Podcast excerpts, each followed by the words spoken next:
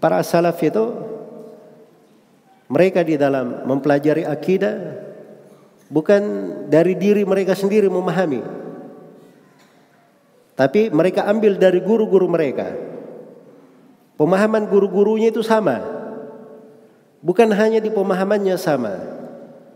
Pada nas-nas yang mereka nukil di pembahasan akidah juga sama.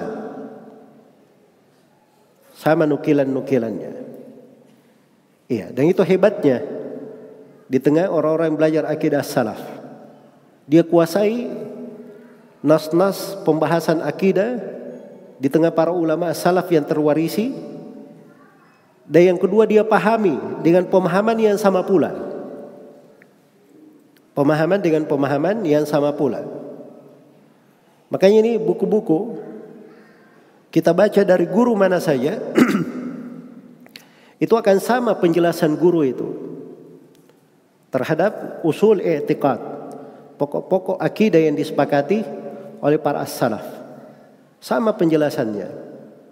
Tidak berbeda. Iya.